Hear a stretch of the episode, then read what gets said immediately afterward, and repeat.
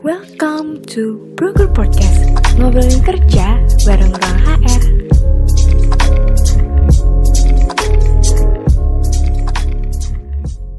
Oke, halo Sobat Hero, welcome back to Broker Podcast. Tempatnya kamu cari informasi seputar pekerjaan Nah, Broker Podcast kali ini barengan sama aku, Devina Clarissa, atau teman-teman bisa panggil aku Devina.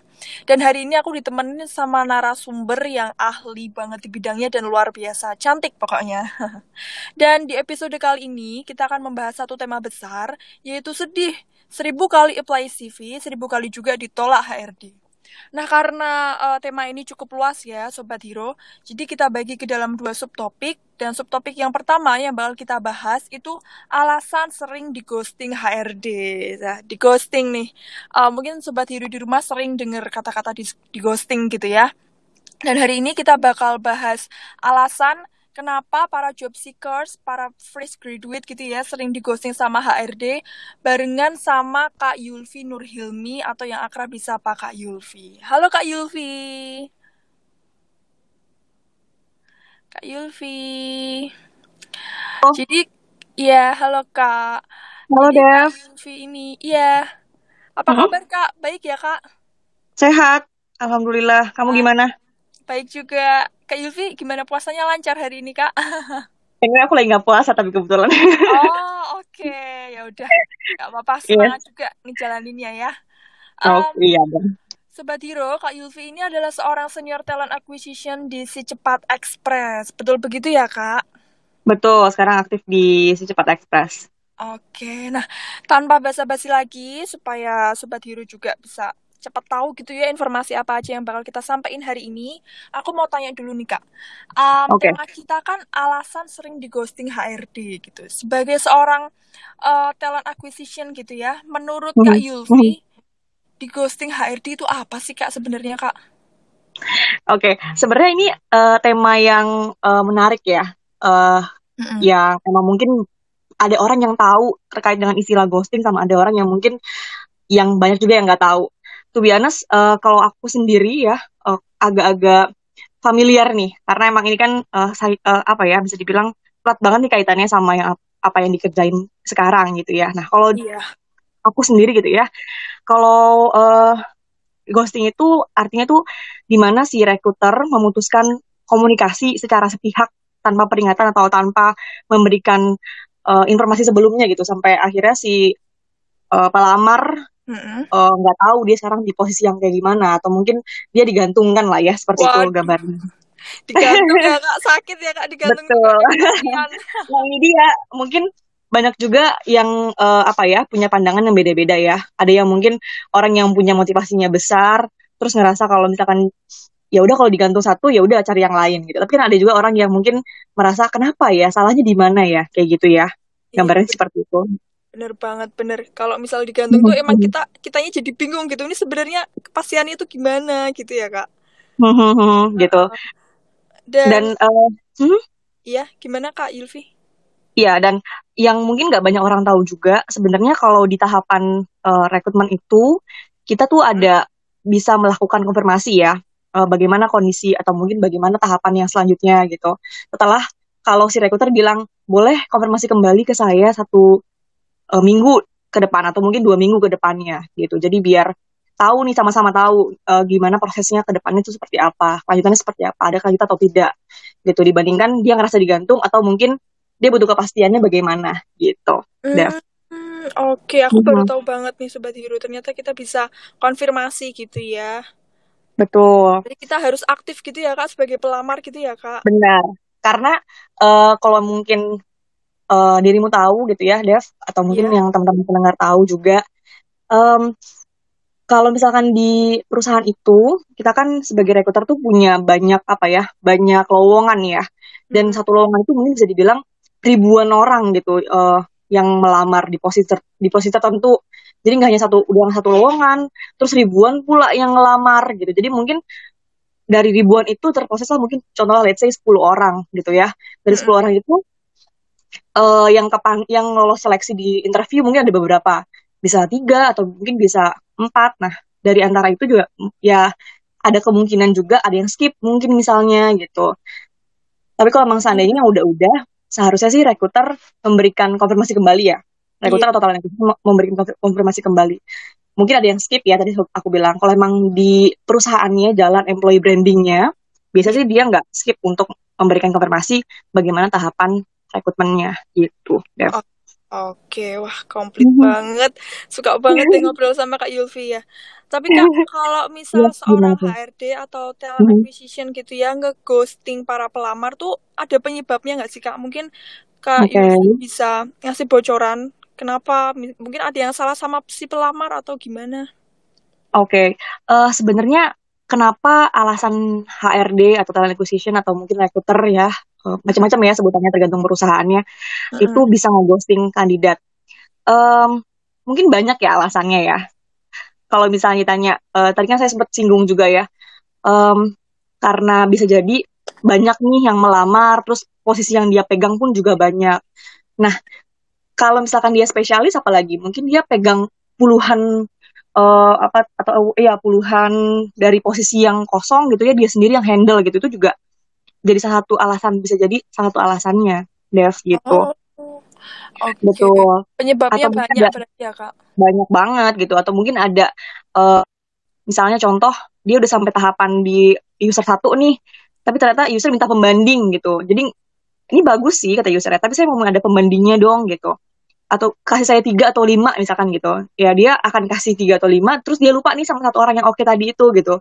Ada aja kemungkinan kayak gitu Oke, t- Mhm. ada pesaing juga ya Kak berarti istilahnya. benar ada orang yang mungkin bisa dibilang eh, menurut user lebih oke nih dibandingkan yang pertama gitu atau si orang tersebut Oke, kalau Kak Yulfi sendiri pernah ngeghosting Mhm. pelamar gak Kak? Kalau- pengalaman mungkin?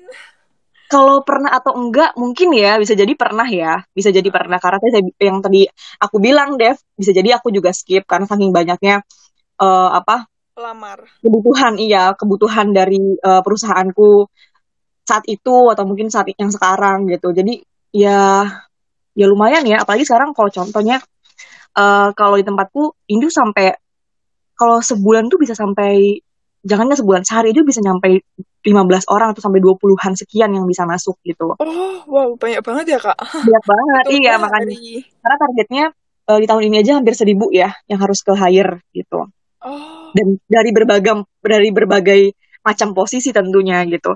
Sehingga ya kalau emang skip atau gimana ya itu tuh harusnya bisa dibilang tadi saya bilang tadi aku bilang ke kamu mungkin bisa jadi gantian nih kamu yang aktif tanyain gitu. Sekali dua kali itu masih nggak apa-apa. Tapi kalau misalkan eh misalkan contoh dia udah dua kali nggak dijawab juga ya artinya mungkin tidak sesuai gitu. Biasanya kalau di lolos kalau- gitu ya Kak. Gitu. Biasanya kalau aku pribadi kalau dia nanya sekali, eh pasti aku balas di emailnya atau mungkin WhatsApp-nya gitu untuk konfirmasi lebih lanjut. Oke, sebenarnya di ghosting itu juga nggak salah ya Kak. Memang kan itu tugasnya seorang HRD gitu ya Kak. Dan Em, apa ya? bukan ghosting itu bukan tugasnya HRD juga sih Oh, anyway. maksudnya, eh, situasi situasinya memang memang ya gimana Terkadang ya? situasional, betul betul. Heeh. Mm-mm. Terkadang situasional ya. Jadi nggak em, seharusnya sih tidak tidak dilakukan, cuman mungkin bisa jadi karena eh, keskip atau mungkin saking banyaknya load kerjanya. Jadi untuk balesin email tuh nanti dulu deh karena emang mungkin hari itu harus 15 orang yang diinterview atau mungkin ya apa harus jadwalin beberapa orang gitu kayak gitu sih. Oh, ya. Karena user Berarti kalau di lapangan sendiri emang butuh cepet ya. Jadi mm-mm. eh, kalau untuk pekerjaan-pekerjaan mungkin yang balas email gitu-gitu barangkali kadang-kadang suka skip atau gimana. Apalagi kalau misalnya dia masuknya ke spam mungkin atau ke junk kayak gitu. Berarti para sobat hero nggak usah underestimate dulu ya kalau di ghosting ya Kak. Belum tentu tuh artinya Betul. tolak. Bisa jadi Kalian- HRD-nya lagi capek gitu ya Kak. Itu kemungkinan ya. Iya, Em, terkecil. iya. Jadi jangan jangan jangan apa ya? Nggak perlu berkecil hati lah ya, betul. Kalau emang seandainya se- kalau emang ya kalau dulu sih zamannya aku pasti fresh graduate, kalau emang seandainya tiga hari nggak ada kabar ya udah cari yang lain gitu. Dulu ya. Benar, harusnya kita coba terus, coba terus gitu ya, Kak. Benar. Em, nah, karena tema besar kita ini kan bahas tentang CV ya, Kak. Em, Oke, pernah nggak? Iya. Mm-mm. apakah sebagai seorang talent acquisition gitu ya kak, apakah CV kondisi CV pelamar itu mempengaruhi pelamar ini bakal di ghosting atau enggak gitu pengaruh nggak ya kak kira-kira? Em, bisa dibilang seperti itu sih, Dev. Karena CV itu bisa dibilang kan apa ya? ki- cara cara paling mudah lah ya kita baca riwayat dia, entah itu pendidikannya, entah itu pekerjaannya atau magangnya dan lain-lain gitu. Sehingga kalau dari CV-nya aja soal itu saya kurang mendukung atau mungkin kurang lengkap gitu ya, eh, tidak men- eh, kurang menjelaskan, nah itu ya akan skip kita kita ya kita skip lah ya bisa dibilang seperti itu. Jadi kita Hmm. cari yang lebih oke dibandingkan yang tidak lengkap itu gitu. Iya, bisa-bisa kita nilai dari CV dulu gitu ya kak, perkenalan Betul. awal gitu ya. Perkenalan awal benar sekali. Jadi impression. selain dari betul selain dari CV tentunya juga badan email ya. Jadi Hmm. kadang-kadang tuh use, eh, recruiter juga suka men, eh, apa ya memberikan subjek atau bi- dibilang subjeknya apa, nama atau apa kayak gitu. Karena itu salah satu Iya. bentuk ini orang tuh sebenarnya detail atau tidak sih gitu. Jadi kayak kayak dari awal tuh kita juga suka kasih apa ya suggestion gitu kan di awal. Kalau Mm-mm. mau melamar ini subjeknya ini dengan posisi eh, posisinya ini terus kasih underscore mungkin domisili atau underscore nama atau gimana gitu. Karena kan juga orang banyak yang nggak ikutin gitu. Hmm. Jadi kalau emang seandainya kalian mau apply by email, pastikan sesuai sama subjek yang diminta, plus badan emailnya juga harus ada. CV-nya juga harus support gitu. Kadang-kadang ada yang CV-nya support, tapi nggak ada badan email. Sampai sekarang masih ada loh, deh. Oh iya. Masih ada. Banyak. Oh, Sobat Hero banyak. harus diperhatiin ya Sobat Hero, kita harus detail karena HRD itu ngelihat sampai sedetail itu. Kita Sampai sedetail detail itu, betul. awal, iya. Heeh. Karena kan eh, kalau misalkan eh, mungkin kamu tahu juga ya, Dev, atau mungkin panggilannya siapa ya? Sobat Hero ya? Iya, Sobat Hero, teman-teman. Oke, Sobat Hero teman-teman gitu pada dengar, pada tahu kalau em, pasti kan apa ya karyawan potensial tuh sebenarnya banyak calon karyawan potensial tuh banyak sebenarnya banyak ya. Mm-mm. Gimana Betul. si recruiter tuh harus pintar-pintar milih mana orang-orang yang benar-benar potensial dan sesuai dengan culture perusahaan gitu. Sehingga Mm-mm. hal-hal yang sifatnya mendetail atau hal-hal sifatnya yang sesuai pun juga harus disinkronisasi lah gitu gambarannya. Mm-mm. Biar eh, semakin kita mudah juga untuk pilih orang yang sesuai sama lowongan tersebut gitu deh. Bener banget nih Sobat Hero. Kalau misal Sobat Hero udah memenuhi kualifikasi, Sobat Hero juga harus tetap cari tahu nih apa aja yang diharapin sama HRD gitu ya Kak, supaya. Mm-mm. teknisnya tuh juga bener gitu, jadi bisa lolos tahap awal. Nah, Benar. selain CV, Mm-mm. Kak Yulfi, menurut Kak Yulfi apa aja sih Kak yang perlu diperhatikan sama pelamar gitu supaya si pelamar ini nggak di ghosting sama HRD gitu. Selain CV tadi kan sebagai first impression, apakah ada lagi? Anyway, kalau ngomongin CV sebenarnya banyak sih Dev. Eh, yang common apa ya common problem lah ya common yang sering banget jadi kesalahan di eh, pelamar gitu. Iya. Eh, mungkin mungkin saya kasih tahu beberapa hal ya terkait dengan CV Hmm. tadi itu. Kayak poin-poin pentingnya adalah kalau emang dia sudah lulus S1, pastikan kalau em, apa nama fakultasnya benar, terus ada IP-nya kalau bisa gitu. Terus kalau emang dia sudah punya pengalaman kerja, entah itu magang, entah itu KKN atau apa pun itu sebutannya, itu juga dicantumin apa yang sudah apa yang sudah dia lakukan di sana gitu. Oke. Betul. Atau mungkin dia udah eh, punya, misalnya dia udah punya pengalaman kerja nih ya contohnya. Ini juga masih banyak orang yang salah. Eh, misalkan dari tahun 2017 sampai tahun 2019 pekerjaannya sebagai admin, finance misalnya. Kadang-kadang orang juga nggak spesifik, Dev. Jadi cuma tulisan admin doang gitu misalnya. Terus Oh. eh, PT-nya nggak ditulis atau mungkin gitu. Jadi atau nggak PT-nya singkatannya doang. Nah itu juga harus di eh, apa ya sesuaikan ya. Jangan sampai Mm-mm. salah dan keliru gitu. Dan eh, ya kalau untuk penulisan bebas ya mau bahasa Inggris, bahasa Indonesia, bahasa Inggris tergantung sama posisi yang kamu lamar gitu. Kalau misalnya teman-teman melamarnya emang di posisi yang eh, bisa dibilang butuh common English, berarti artinya Mm-mm. sebaiknya CV-nya bahasa Inggris itu bisa disesuaikan sih ya gitu. Mm-mm. Tapi yang pasti kalau emang sudah punya pengalaman kerja, pastikan kalau kalian menuliskan di CV itu, CV itu kan riwayat ya. Jadi kan Iya. apa yang dikerjakan paling nggak ada yang dituliskan gitu ya secara detail apa yang Iya. dikerjakan dan hasilnya mungkin apa gitu, mungkin menyelesaikan project apa dan lain-lain gitu sih. Oke, berarti Mhm. ini ya Kak, job seekers tuh harus pintar-pintar memperkenalkan diri dalam sebuah CV gitu. Gimana caranya Benar. supaya HRD itu bisa kenal dia dalam satu lembar CV gitu ya Kak? Benar. uh, sama to be honest juga kita biasanya kalau sebagai recruiter atau mungkin talent acquisition dan lain-lain gitu ya sebutannya Iya. itu tuh kalau misalkan review CV nggak sampai ya harusnya nggak nyampe, nggak nyampe 5 menit ya Heeh.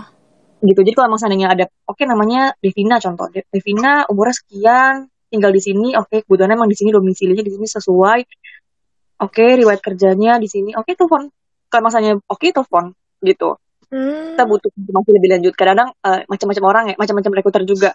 Iya. anyway Dev ada juga yang eh, recruiter yang eh, butuh konfirmasi dulu nih sebelum diundang. Gitu. Kalau saya pribadi kalau Iya. undang karyawan biasanya ditelepon dulu. Kayak phone interview pastikan kalau emang orang ini sesuai sama kualifikasi setelah itu baru ada tahapan lanjutannya. Gitu sih. Jadi Oh, jangan eh, eh, gitu itu sebenarnya udah sempat juga di saya share juga aku share juga sih maksudnya sebaiknya kalau recruiter pun juga eh, punya tahapan itu ya phone interview gitu biar pas lagi eh, ketemu nggak apa ya nggak jauh lah dari harapan kita gitu dan kita juga Iya. nggak buang-buang waktu sebagai recruiter dan si kandidat pun juga nggak buang-buang waktu datang ke kantor oh, oke. Jadi HRD juga udah ada bayangan gitu ya, Kak. Benar seperti apa yang bakal ditemuin nantinya gitu ya, Kak. betul betul Heeh. Em, ini mungkin udah beberapa kali dibahas sama Kak Yulfi ya barusan, tapi Mm-mm. aku pengen perjelas lagi gitu. Jadi oke dalam penulisan sebuah CV em, yang paling banyak ditemui sama Kak Yulfi ya, yang yang salah, yang fatal banget, yang keterlaluan salahnya itu biasanya apa sih Kak? Yang kayak tadi common problemnya orang-orang lakuin gitu. Oke, eh kalau yang kalau CV ya, kalau bicara tentang CV yang tadi yang tadi aku sampaikan sih ke, ke kamu Dev. Jadi kebanyakan orang tuh nggak menuliskan pengalaman kerjanya. Even itu magang ya, kalau emang sama ini dia, dia emang fresh graduate, oke nggak apa-apa. Tapi Iya. kalau dia yang emang masa iya sih dia fresh graduate nggak pernah ngapa-ngapain gitu, Oh, nggak pernah iya. KKN atau nggak pernah magang gitu. Nah itu perlu dicantumkan. Jadi itu sering banget eh, kejadian, ya orang oke nih fresh graduate oke, terus pengalaman kerjanya nggak ada sama sekali. Jadi dia nggak nyantumin sama sekali. Gitu ataupun Heeh, gitu. Ataupun kalau masalahnya dicantumin eh, pengalaman kerja nih ya tapi Nggak eh spesifik. gitu. Jadi cuma nulis admin tahun segini sampai tahun segini di sini. Heeh. setelah itu eh, jadi admin ini di sini sampai eh, tahun segini sampai tahun segini di sini. Ya terus dia ngapain? Terus gimana soalnya gue tahu kalau misalnya lo ngapain gitu. Bener bener Gitu, bener.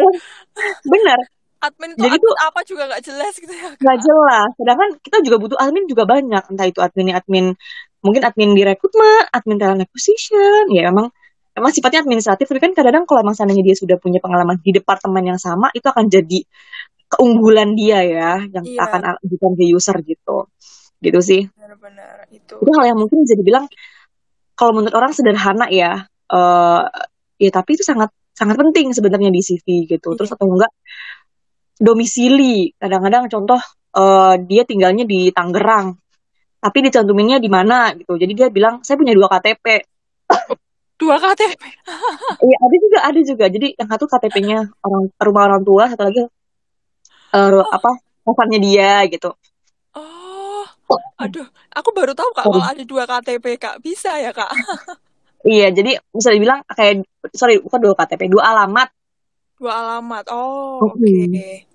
Jadi dia bingung, ini domisiliku sebenarnya di mana gitu. Aku cocok-cocokin aja sama tempat kerjanya gitu kali ya kak dia.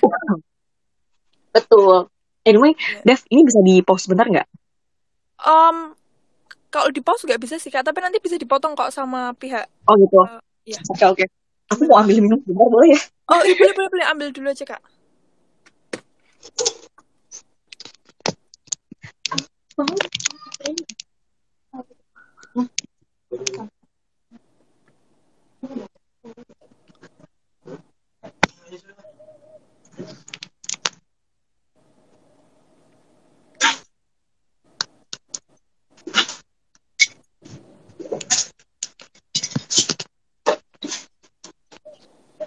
Oke. Oke, udah kak. Udah, Boleh udah. minum dulu, udah diminum kak. udah udah udah.